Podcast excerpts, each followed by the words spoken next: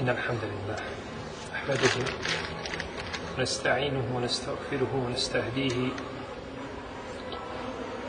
ونعوذ به من شرور أنفسنا ومن سيئات أعمالنا ليهده الله تعالى فهو المهتد ومن يضل فأولئك هم الخاسرون وأشهد أن لا إله إلا الله وحده لا شريك له وأشهد أن محمدا عبده ونبيه ورسوله وصفيه من خلقه وخليله اللهم اجزه عنا خير ما جزيت نبينا عن أمته ورسولنا عن دعوته ورسالته وصل اللهم وزيد وبارك عليه وعلى آله وأصحابه وأتباعه وعلى كل من اهتدى بهديه واستنى بسنته واقتفى أثره إلى يوم الدين Rabbi šrah li sadri, ujesir li emri, vahlu luktete min lisani jefqahu qavli, thumma emma ba'de. Ko pogleda u siru predislamskih Arapa, vidjet će da nije postojao zajednički interes cilj niti osoba oko koje bi se oni mogli okupiti i koji bi ih mogao ujediniti. Pa su poznati među njima ratovi koje su vodili zbog najobičnijih sitnica. Po 40 i više godina bi trajali ratovi između plemena zato što čovjek iz jednog plemena ubije životinju čovjeka iz drugog plemena. Zbog jedne životinje 40 godina se vode ratovi i generacije se smenjuju zbog znači običnih sitnica ili nešto što je manje od sitnice kada je u pitanju ljudski život. Pa je došao Resulullah sallallahu alaihi wasallam sa istinom i sa vjerom koja je ujedinila tadašnja razbijena i razjedinjena plemena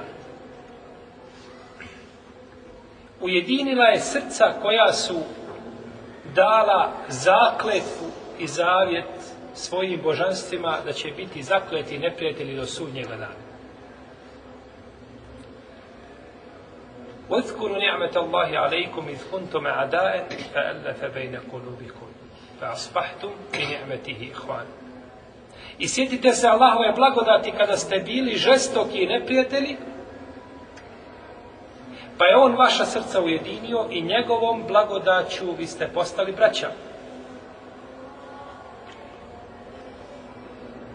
وَأَلَّفَ بَيْنَ قُلُوبِهِ لَوْ اِنْفَقْتَ مَا فِي الْأَرْضِ جَمِيعًا مَا أَلَّفْتَ بَيْنَ قُلُوبِهِ وَلَكِنَّ اللَّهَ أَلَّفَ بَيْنَهُمْ إِنَّهُ عَزِيزٌ حَكِيمٌ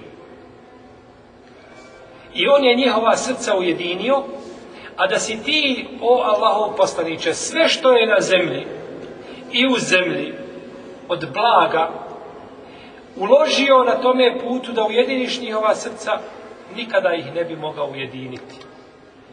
Ali Allah ujedinio njihova srca jer je on innehu azizun hakim, jer je on silan i mudar. I samo on to može te barak je Pa nakon sjedinjavanja srca, koja su bila, kažemo, razjedinjena, došla je obaveza ili došlo je vrijeme rada za islam. Pa su ashabi nakon te blagodati koju su spoznali vrijednosti islama željeli da sebe i svoje porodice i svoj imetak žrtvuju za šta? Za taj islam koji ujedinio njihova srca. Jer su između ostalog kroz to primijetili znači snagu islama pa su sebe postavili da budu sluge Islama i da budu na službi Islamu kada je god to potrebno. Bileži Imam El-Mizi u svome dijelu Tehzibur Kemal. Imam El-Mizi, on je punac Ibn Kethira. Sa Allah smiluje svima njima. I kako je sebe odabrao lijepog punca i kako je sebe odabrao lijepog zata. Ima dvije knjige. Poznate, Tehzibur Kelam i Tohfetu Lešraf. Tehdibu Lekelam je štampan u 35. A Tohfetu Lešraf ovisno štampi u 15. ili 16. Te dvije knjige, kada bi stavili i vagali i vlagu, vagom za zlato, ta je vaga neprecizna. Znači svako slovo je u toj knjizi, odmjer, u tim knjigama odmjerno, ima svoju težinu i vrijednije je možda nego stotine nečijih drugih dijela koje je pisao. Mamel Kaže u svome dijelu Tehdibur Kemal, prenosi od Al-Irbada ibn Sarije, radi Allahu anhu, da je rekao kuntu ruba al-Islam. Kaže, ja sam bio četvrtina Islama. Ja sam bio četvrtina Islama. Znači, bio sam četvrti čovjek u Islamu. To je po njegovom mišljenju, po njegovom znači, saznanju. Iako je prije njega bilo ljudi koji su primili Islam. Ali je sebi stavio na leđa koliko Islama? Jednu četvrtinu.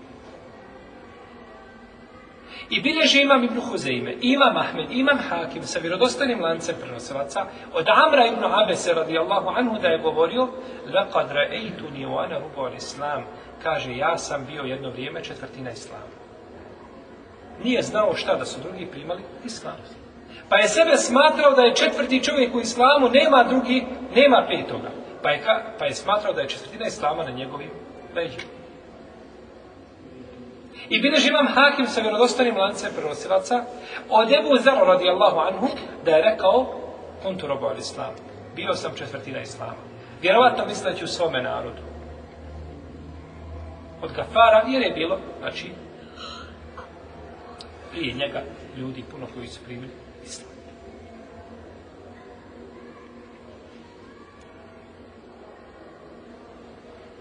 Isto tako bilježi imam Buharija u svome sahiju od Amira ibn Sada. Kaže, rekao je moj baba. To jeste Sad ibn Abi Waqas.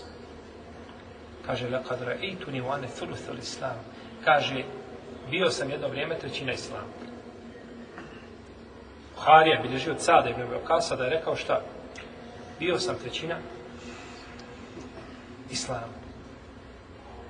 A u predaji kod El Bezara i kod imama Ahmeda u njegovom dijelu Fadailu Sahabe sa ispravnim lancem prenosilaca kaže Amir, rekao je moj babo, to jeste sad, Ma esleme fi el jevm alladhi eslemtu fihi gajri.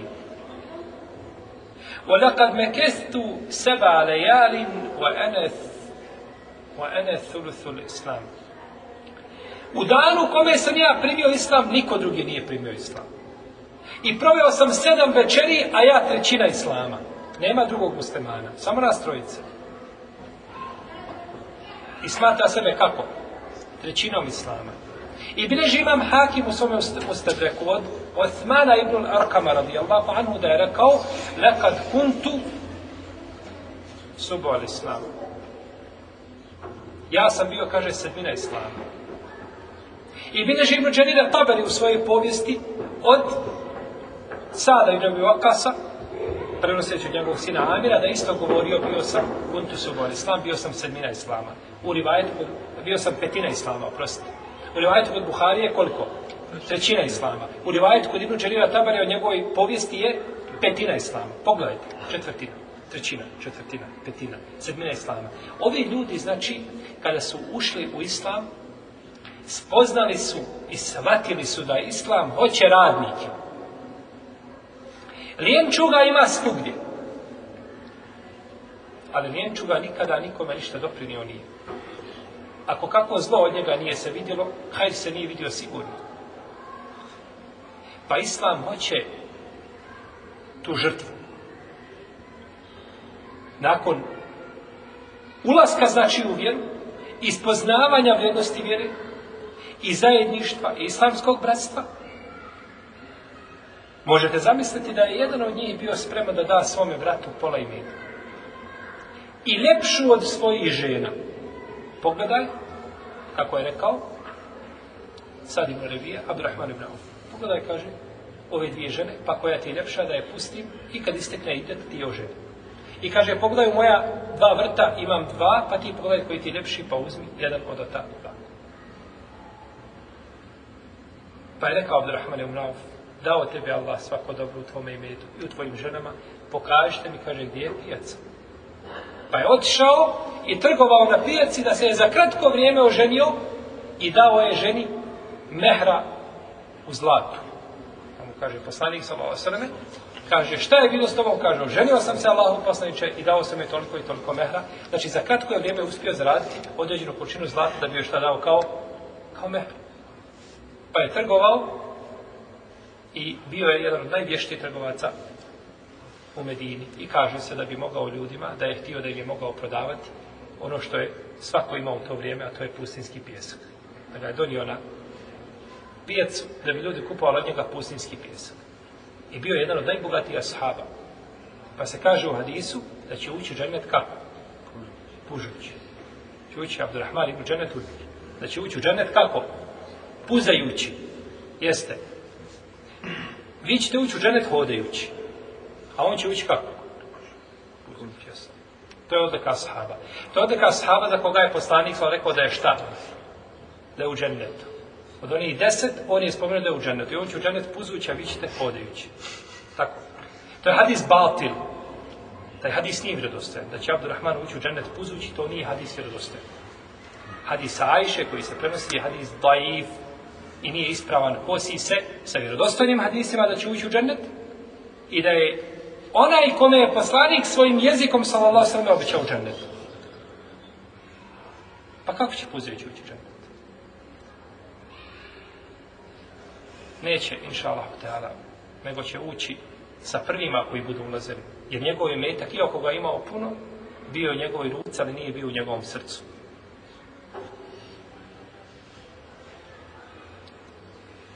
Pa su ashabi shvatili ono što su muslimani danas izgubili.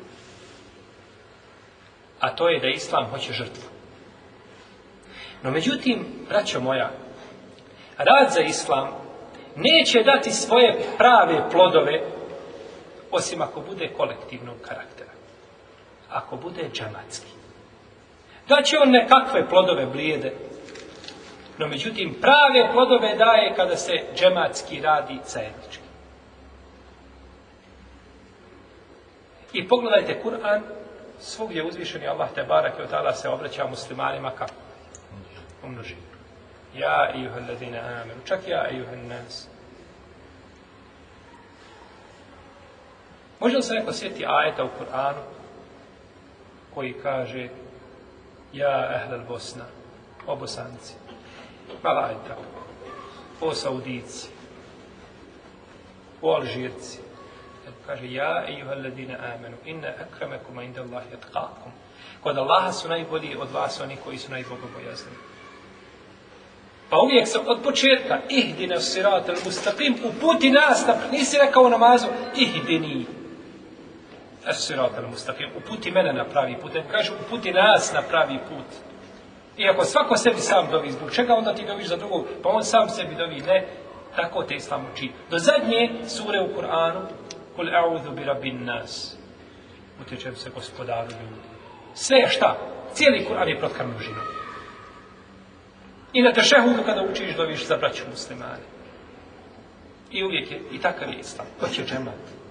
Stoga je poslanik, sallallahu sallam, kada su ashabi bili na bici na tebu, e, na bici na hendeku, kada skopali onaj kanal,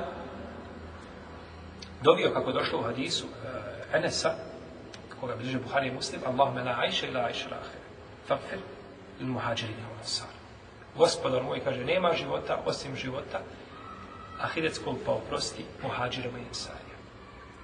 Učio ih je, znači, i u miru, i u ratu, uvijek je učio zajednici i džematu, i tom zajedničkom znači nastupanju.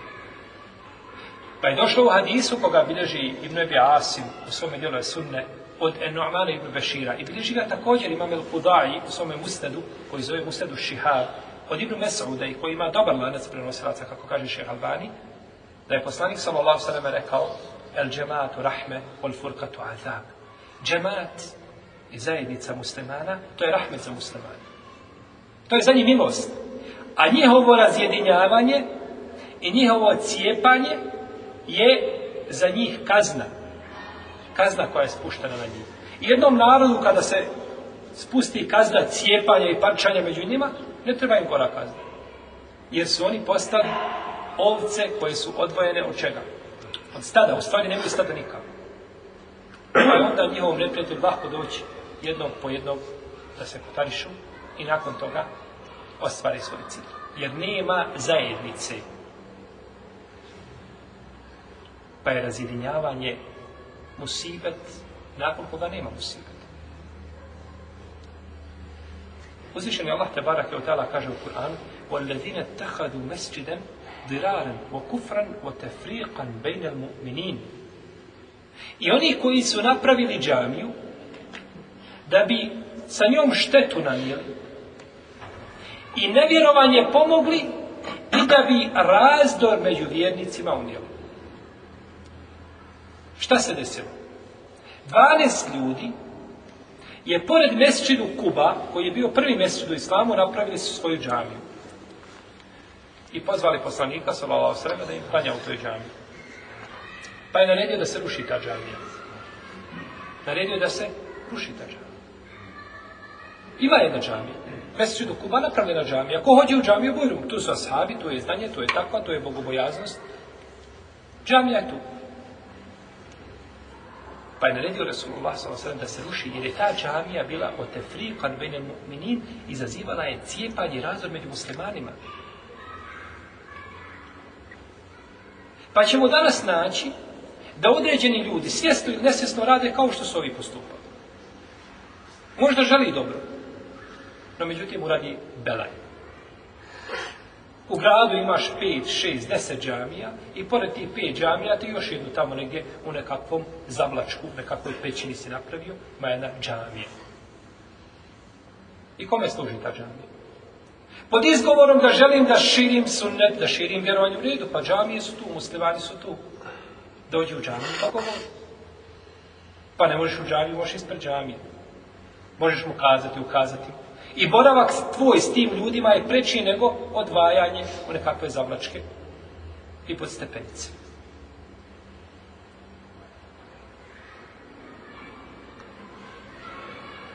Jer je bolje onaj ko se miješa sa ljudima i trpi njihove zijete, kako kaže poslanik Salao Srbe, nego onaj ko se odvoji šta i? I ne trpi njihove zijete. Nelakše se odvojiti, etiketirati sve da su ove ili one vrste kufra i nakon toga si miran. No, međutim, gdje su tu i koji popravljaju? Jer musliman treba biti musleh, onaj koji popravlja, ne da bude saleh. Saleh je za sebe, dobar si za sebe, budi musleh, onaj koji popravljaš druge. Kada je poslanik sa osrme poslao ashave, e, kada je poslao poslanike, su se miješali sa ljudima. Pogledajte Hanuna, ali se nam.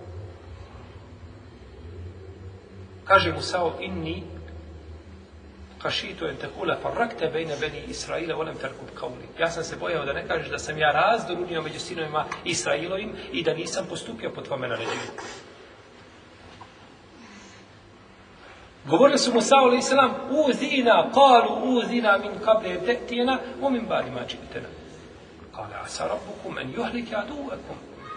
O jestahlifekum fil ard, fe janzure kejfe ta'melun. Ta Kaže, o Musa, znaš šta je? Kaže, mi smo bili na Belajima, uznemilavani smo bili prije nego što si došao i nakon tvoga dolaska. Tvoj dolazak ništa nije. Samo nama je ezijet. Kaže, možda Allah uništi i vašeg neprijatelja. Pa da vas uči namjesnicima na zemlji, da vidi kako ćete postupiti. Ali pogledajte kako kažu poslaniku. Kaže, bili smo u Belajima prije tvoga dolaska i posle tvoga dolaska. Znači, ništa ti, to tvoj dolazak je onako, bez veze. Je li tako?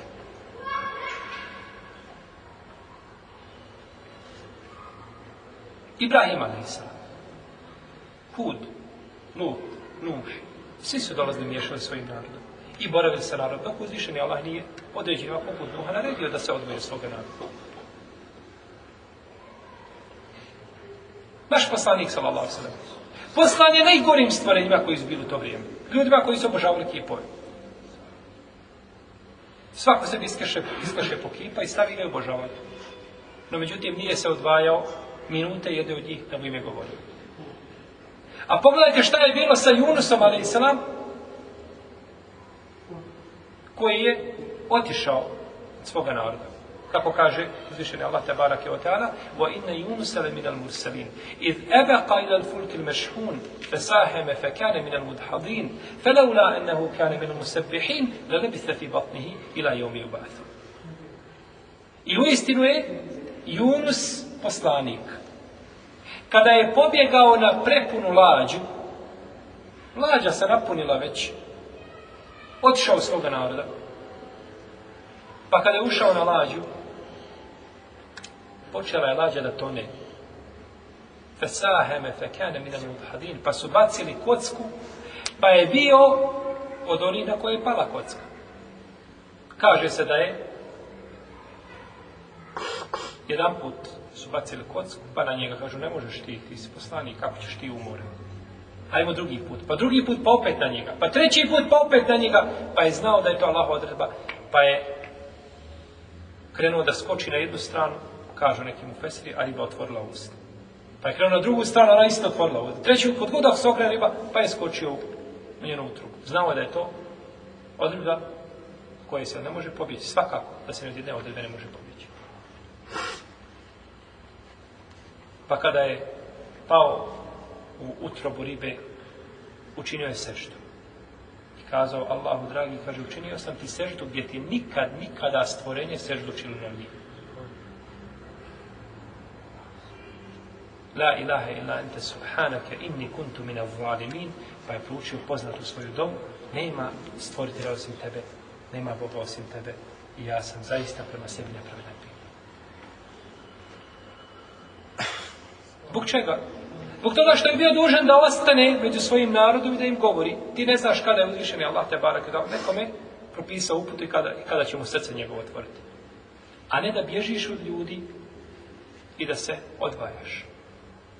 Došlo u hadisu koga bileži imam el Adekjaji su mi u šerhu su kad od Ibnu Omara da je poslanik sallallahu alejhi ve sellem rekao men šedde šedde fi ila nar ko bude izniman među ljudima, bit će izniman u vatri. Ovaj hadis, njegovo značenje, kako kaže imam El Mubarek Furi, svome delu Tuhvetu Lahovedi, kaže ko bude izniman među muslimanima sa svojim akaidom, svojim vjerovanjem, svojim postupcima, svojim riječima, svojim djelima, bit će tako izniman mimo njih u vatri. Še, imam še u kraju, kaže da ovaj hadis dobar, no međutim, mnogi su ga osjedili slabim. Čovjek je dužnost da kada vidi u društvu belaje i probleme da popravlja i da ne žuri rezultate. Poslanik sallallahu alejhi ve sellem se naljutio na ashabe koji su požurivali rezultate. Kaže Allahu poslanik dovina, pa je sam pocrvenio, zajaporio se i kaže tako mi Allah Allah će potpuniti ovo svjetlo. Da će pješak pasti da će putovati sa jednog kraja džezine na drugi kraj. Od Sana'a do Hadrameuta. Ide sam, ne boji se nikoga osim Allaha i ima strah da Vuk ne napade njegov stado, da ne ostane bez stada. To je njegov stado, ništa drugo nema. Biće mir, onakim nekom kaumom te stažilom, kaže vi ste ljudi koji požurujete. Kome to kaže? Ashabima. Pa oni su bili najpreći ljudi, jeste i uzvišeni Allah te barak dola pomogao, da im je za četvrt stoljeća dao državu koja je raširila pravdu po zemlji, koja nikada nije bila poznata do današnjih dana, ni će biti poznata do sudnjega dana. No, međutim, kaže im šta? Onda kad nekom kao mu te stažem, vi požurujete rezultate. Pa ako oni nisu smijeli, pored svoje takve bogobojaznosti, požrtvanosti za islam, ako oni nisu smijeli požrtvati rezultate, kojim pravom mi smijemo požrtvati rezultate? Rezultati će doći sigurno. I da ne dođu, rezultati su u džennetu. Tamo dobijaš nagradu. A ovdje vidio je ne vidio rezultate, to nije do tebe. Jer doće poslanika na sudnji dan, nema sa njim nego jedan čovjek. Šta da kažemo za poslanika, kome dolazi ujutro i naveče objava i sa njim jedan čovjek ide uz njega na sudnji dan i kaže gospodar moj, ovo je moj sledbenik. Uđi tom dvojice u džennet. Nemaš ništa s onim što su odbili. To nije tvoje. I nije tvoje da ti brineš da li će neko prihvatiti ili neće. Tvoje je da mu kažeš istinu na najljepši način, na mudar način, a nakon toga ti si skinuo svoju odgovornost. I da ne požuruješ rezultate. Pa ako vidiš da je belaj oko tebe i da su se ljudi odali ovoj ili onoj vrsti griješenja, da tebi da popravljaš ono što možeš popraviti. U vrijeme poslanika, sallallahu sallam, kako bilože Buhari i Muslim, bio je čovjek koji se zvao Abdullah. I volio je da pije alkohol. A od milja su ga zvali Himar, zvali ga Magarac. Stalno je zasmijavao poslanika, sallallahu sallam. Razveselio bi ga ali je imao problem alkohola. Nikada se nije mogao proći alkohola. Pa su ga bićevali, jedan, dva, put, tri put. Kad su ga nakon toga bićevali četvrti put, jedan od sahaba ga je prokleo. Pa kaže poslanik sa vam sredo, la telanu, fe vallahi ma alim tu illa enahu yuhibu Allahe wa Rasulah. Kaže, nemojte ga proklinjati, tako mi Allaha, ja ne znam ništa nego da on voli Allaha i poslanika čovjek pije alkohol. No, međutim, ima u njemu hajda nekako. Zlo je to veliko što pije. I veliki je belajno. Međutim, ima u njemu hajda i ne treba ga proklinjati. U drugoj se predaji kaže da je rekao jedan od ashaba kod Buhari u Sahihu, kaže se Ahzak Allah. Kaže, Allah te ponizio. Pa kaže poslanik sa osreme, la te kunu aune šeitani ala jahikum, nemojte, kaže, pomagati šeitana protiv vašeg brata muslimana. U predaj kod Ebu Davuda se kaže Kulu Allahumma ighfir lehu Allahumma arham Gospodar moj oprosti mu i gospodar moj smiluj mu se. A kod predaj kod Ebu kod imama Ahmeda u Musledu se kaže Kulu rahimek Allah reci Allah ti oprostio. Ili Allah ti se smilovao. Allah ti se smilovao. Njemu reci u lice Allah ti se smilovao ne da dovišu šta? U trećem licu. Nego recimo lično Allah ti se smilovao. Pa kada vidi čovjek zlo ili vidi grijeh od brata muslimana, dužan je da mrzi grijeh i preživi njegov postupak, a ne njega kao čovjeka, njega treba da opominje i da upozorava. Poslao je poslanik, salao sveme, jedne prilike Halida i Mungolida, kako bilo živan Buhari u svom sahiju, sa skupinom ashaba, između ostalih Ibn Omar je bio sa njima, jednom plemenu koje se zvalo Benu Džedime, Benu Džedime, da ih pozove u islam. Pa je Halid došao i rekao, primite islam. Pa su kazali, sabe'na, sabe'na. Nisu znali pričati arapski jezik. Pa su kazali, sabe'na, sabe'na, a to je na njihovom jeziku značilo, mijenjamo mi vjeru, mijenjamo vjeru. To jeste, šta? Primamo vjeru ali nisu znali kazati eslemna, eslemna, nego kažu sabetna, sabetna. Pa Halid to nije skopčao šta su oni, nije razumio. Nije razumio Halid, šta to znači. Nije razumio njihove riječi, pa je počeo da ih ubija. I svakom od Ashaba je dao pozdravljenik. Neki je ubio, neki je zarobio i krenuli su. Kad su bili negdje u putu, naredio je svakom čovjeku da ubije svoga zarobljenika. Pa je rekao Ibn Omar, tako mi Allah kaže, ja to neću raditi, kaže, dok ne dođem u Medinu, dok ne pitam poslanika, svala sveme o tome. Meni je dužnost da se pokorim tebi kao emiru na putu. Ali ovdje se desila krupna stvar i sada taj problem dižemo jednom većem emiru. Najvećem emiru u istoriji Islama, a to je Resulullah sallallahu alaihi wa sallam.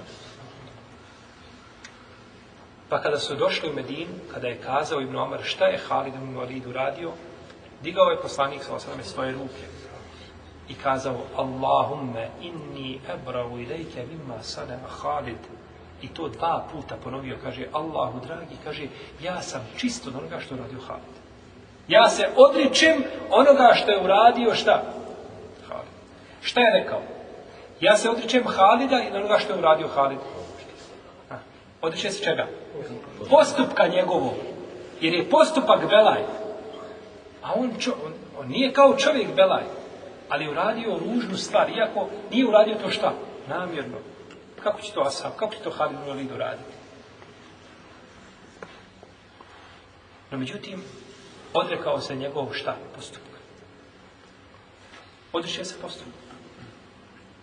Pa kada vidimo Belaj, vidimo nedačko data muslimana, vidimo zlo, popraviti ga koliko možemo, a nije nam obaveza i dužnost niti smijemo mrziti njega kao osobu, nego mrzimo njegov, nego mrzimo njegov postupak. Poslanik sa Allah sveme kaže u hadisu, koga bileže ima muslim i drugi, La te dhulunan džennete hatta tu'minu. Vala tu'minu hatta tehabu. Evo la edulukum ala še'in. Iza fa'altumu tehabebtu. Efšu salamu. Kaže, nećete ući u džennet dok se ne budete molili. A nećete se... Nećete ući u džennet dok ne budete vjerovali. A nećete vjerovati dok se ne budete molili. Pogledajte lanca. Sve halka za halkom. Neću u džennet dok ne budeš vjerovao, jasno. Ne vidi neću u džennet. A nećete vjerovati pravim imanom. Ne misle se osnovom imana, nego pravim, potpunim imanom dok se ne budete voljeli. A hoćete li da vam ukažem na ono, ako ga budete činili, odjećete se, širite selam među vama. I selam je ključ za mehabbet. Ključ na kraju za ulazak u džennet. Jer kada čovjeku nazoveš selam, kazao si mu, imaš potpuni mir kod mene i sigurnost, ja svoj život žrtvujem za, sebe, za tebe. Kad mu kažeš, selamu alaikum, selamu alaikum. Znači, ne ostavljam te na cedru, ti si moj brat, imaš kod mene sigurnost. Stoga, kada čovjek ti priđe i ne naziva ti selam, vidiš ga da je namjerno ostavio selam da te nazove, odmah imaš pravo da gledaš levo i desno koji ti je put najkraći da bježiš. Jer taj čovjek ti ne želi dobro. Osim ako ne razumije te činjenice. Ali ko zna šta znači selam i neće da ti ga nazove, takav ti nije dao sigurnost imaš potpuno pravo da budeš u strahu i da se plašiš njega i njegovih daljih postoji.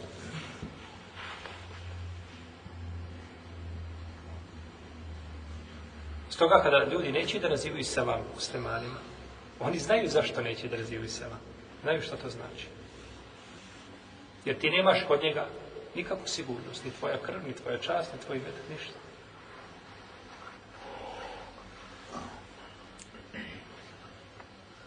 Kada bi došao ispred čovjeka, kada bi došao ispred tebe jedan budista, koji je 30 godina klanjao se budi, ili jedan hindus koji je krvi klanjao se teletu, i došao i izgovorio šahadet pred tobom. Jedan im kaže, alhamdulillah, ovo je moj brat musliman. Dužnost mi je šta da ga volim da budem prema njemu. Pa imaš brata svoga muslimana koji od malih nogu, kako je progovorio, izgovara šahadet. Što nisi takav prema njemu? Gdje su naši kriteriji kojima mi mjerimo? Ovaj izgovorio šahadet i pokazao se da je musliman. Možda nije po tvojim nakaradnim kriterijima. No, međutim, po kriterijima islama jeste. Uzvišen je Allah te barak je u tela, draga moja braća, voli džemat u svim stvarima. Voli džemat i u džematu daje ono što neće dati mimo džemata. Kaže poslanik sallallahu alejhi ve u hadisu koji bilježe Buhari i Muslim od Abu Hurajra radijallahu anhu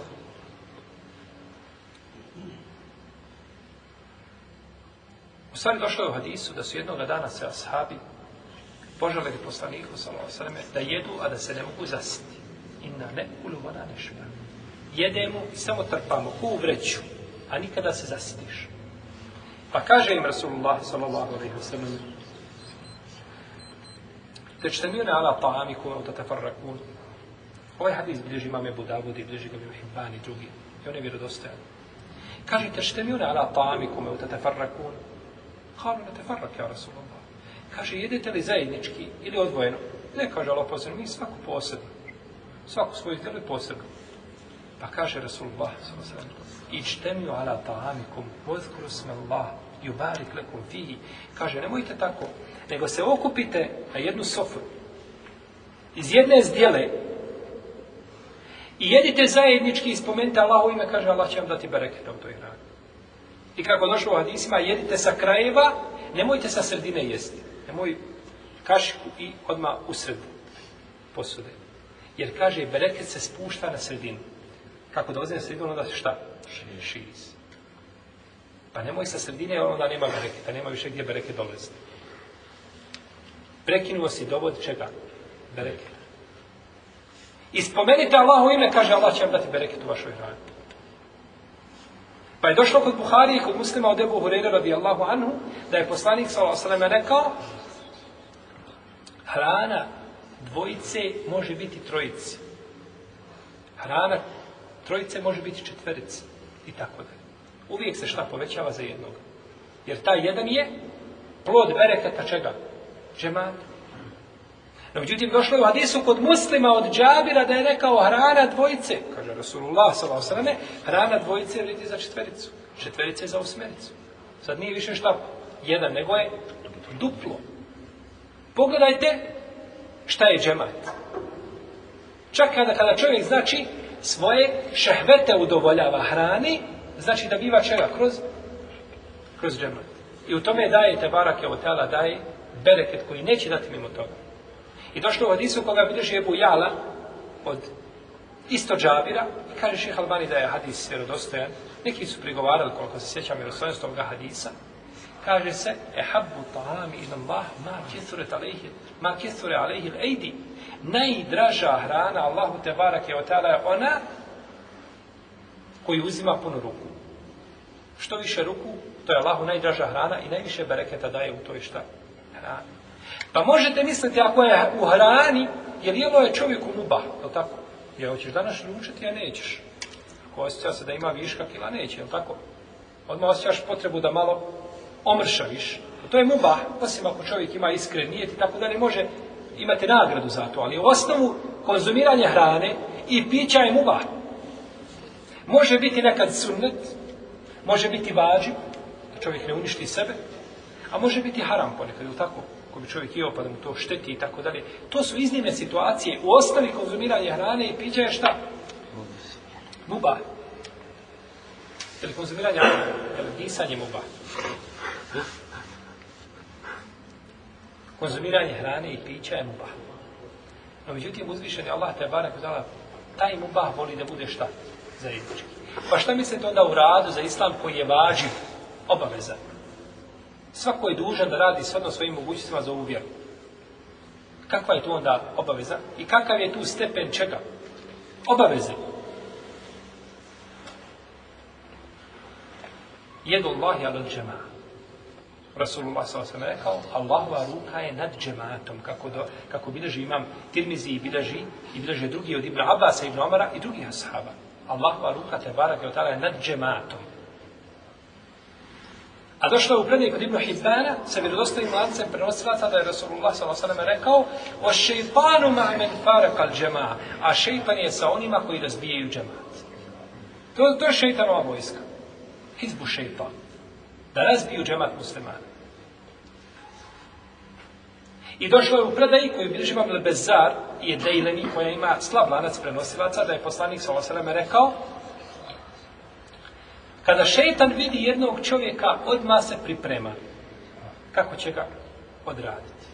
Kada vidi dvojicu opet se priprema, ništa nije. Kada vidi trojicu kaže okrene se i ode.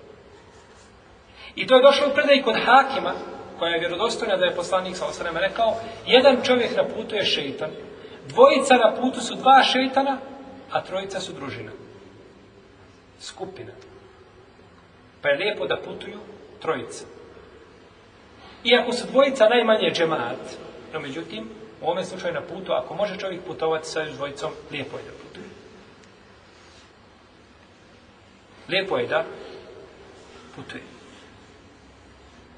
Vidite kako uzvišen je Allah te barek vela, znači podstiče, prvo poslanik sa osnovim, jel, ovim hadisima, podstiče, džemat kada se spominje o hadisima, misli se predstavno džemat muslimana gdje ima ko? Halifa. Na to se misli. To je džemat koji je ciljan hadisima. Ali kada nema džemata, gdje ima halifa, onda je dužnost muslimanima da se ujedinjavaju i da se organizuju kako mogu da očuvaju svoj islam i svoju vjeru i da se bore za sebe i da se bore za pokunjenja koja dolaze nakon njih da pripreme nešto. A nije dužnost da dignu ruke i da kažu, pa doće Mehdija šak. A mi ćemo čekati dok Mehdija ne dođe, mi ćemo nogu preko noge i ruku pod glavu i kada Mehdija dođe, hoće riješiti naš problem. Mehdija će reći, riješiti problem za ljude koji budu u njegovom vremenu, ali Mehdija neće riješiti tvoj problem. Ni ti je poslan da ga rješava tebi, osim ako dođe u tvoje vrijeme, Allahu dragi. A da li će doći? Allahu te ala. Pa je obaveza, znači, muslimana da rade. I u svakom radu ima greške, ima propusta. Međutim, to ne smije biti kamen spoticaja. Čovjek kaže, ne mogu raditi. Ima ljudi, ni sa kim ne može raditi. Gdje god da dođe, on nađe na kakvu mahanu, ovakvu ili onakvu, i ne radi sa ljudima. A sam ništa ne može uraditi ili ne zna. No, međutim, nikomu ne odgovara. Kao što je došao u jednom slabom hadisu, da je jedan čovjek došao kod pastira i kaže mu, ja bi sebi, kaže, ja bi jednu dobru ugojenu ovcu da kupim od tebe. Kaže mu, ovaj, pastir, hajde ti, kaže, a on njega znao ga pastir njegovu prirodu, da njemu ništa ne odgovara. Šta god da mu nađe, on neće biti zadovoljan. Hajde ti, kaže, uđu tur, sam se proberi, nek to bude tvoja, tvoj izbor. Pa je ušao, robio lijevo, desno, tamo, vam, e, kaže, ovo ću, i uhvati sa ovčara. Kaže, ovo će ovaj najljepši. On ne zna razliku kada imaju ovce i psa ovčara, pa međutim, zna tražiti svakome mahane i ne može se da uklopiti ni sa njim. Rad za islam, draga moja braćo, je obaveza. To je nije dobrovoljna stvar da čovjek kaže Allah, jer mi islamu danas dajemo ono što nam ostaje od vremena. Islam neće to. Islam neće sadake. Sadak ti ide dijeli negdje tamo po putu, sirotinje, to je islam To, to je islam traži od tebe. Ali islam neće da bude tvoja sedaka, tvoje preko premeno vrijeme, nakon znači, rada na poslu i nakon odmaranja 12 sati dnevno i nakon provoda i fizičkih zadovoljavanja i svega ostalo ti pola sahata, ne znaš šta ćeš, hajde kaže nešto iza islam. To islam neće. To nešto, to neće koristi islamu. Islam hoće od tebe da goriš željom za islam, radom za islam, da učiniš nešto za ovu vjeru, to islam hoće. I da bude islam na ljestvici prioriteta prva stvar. Pa nakon toga dolazi sve ostalo. E kad se tako stvari poredaju, onda, onda se drugačije ide. I jedan čovjek može puno raditi. Pa pogledajte čovjeka, radi, plata mu slaba. Nikakva u dugovima i tamo negdje on našao imao nekakvog zemljišta i on kopa sebi temelje i počne praviti kuću. I vidite, mjesec po mjesec ide pola. Za par godina jedan sprat riješio ili oba dva ili pokrio kuću. Pa kaže odakle, kaže nije jasno, ne znam. Koga god pitaš, kaže ne znam odakle, ali Allah dao bereket, pa se dobro. Jeste tačno, Allah daje bereket kome hoće i kako hoće. No, međutim, ima ovdje jedna druga stvar. A to je, ti kada si počeo praviti tu kuću, ti si zanijetio i rekao, Tako u sebi sam. Jedno nepisano pravilo postavio. Ova kuća, ako ne bude imala maltera da ja zalijevam, bit će krv. Biće znoj, ona mora ići, ne može stati. I zbog tvoje čvrste vode odluke to je išlo naprijed. Uđite kada je u pitanju projekat slama, ako se nešto sa bratom muslimanom zakačio, kažeš, hoćeš, hoćeš, nećeš, završena priča. To nisi rekao isto kada spravio štapu tamo si imao drugačiji nijet. E da takav nijet imaš priradu za islam, ne bi rezultati bilo onakvi kakvi jesu, nego bilo drugačiji. Da čovjek kaže, ova stvar mora izići na vidjelo po cijenu mene i moga života i moga imetka i moje porodice i tako dalje, drugačije bi stvari bi. Pa iz toga obaveza, draga moje braće, da svi razmislimo o sebi. Jer svako je od nas odgovoran. I svako će od nas biti pitan šta je uradio za ovu vjeru. I nakon toga mi za sebe ostavljamo generacije. Ostavljamo našu djecu, našu braću muslimane. Oni će uživati hajr koji ti napraviš. Koliko ima ljudi koji se borili, star čovjek ima 60 ili 70 godina, bori se da, neka, da se negdje džamija napravi. Sve ulaže moguće, tu mora biti džamija. Ili to mora biti zemlja koja nije iznajmljena, bude vakuf, da, da. No, međutim, to njemu ne treba. Tako, on će za 5, 6, 10 godina otići s ovoga svijeta. No, međutim, on se bori da ono, da ostane nešto ljudima nakon njih, a znamo svi hadis, da je ovaj, jedna od trajnih sadaka, ono što čovjek uradio hajra, postaje pa nakon njega da se ljudi koriste. Pa ja molim Allah, te barak evo da izmeni naša razmišljanja u pogledu rada za islam ako nisu bila ispravna i da nas uputi na ono što je ispravnije od onoga na čemu smo bili. Mm-hmm i da učvrsti naše radove i da sjedi naša srca i da zadnju stanicu učinimo dženet Fedeu sa našim poslanikom sa nosanem iskreno dobili šadu šeidim adim su oni društvu wa ta'ala sallallahu ala nebina muhammed wa ala alihi wa sallam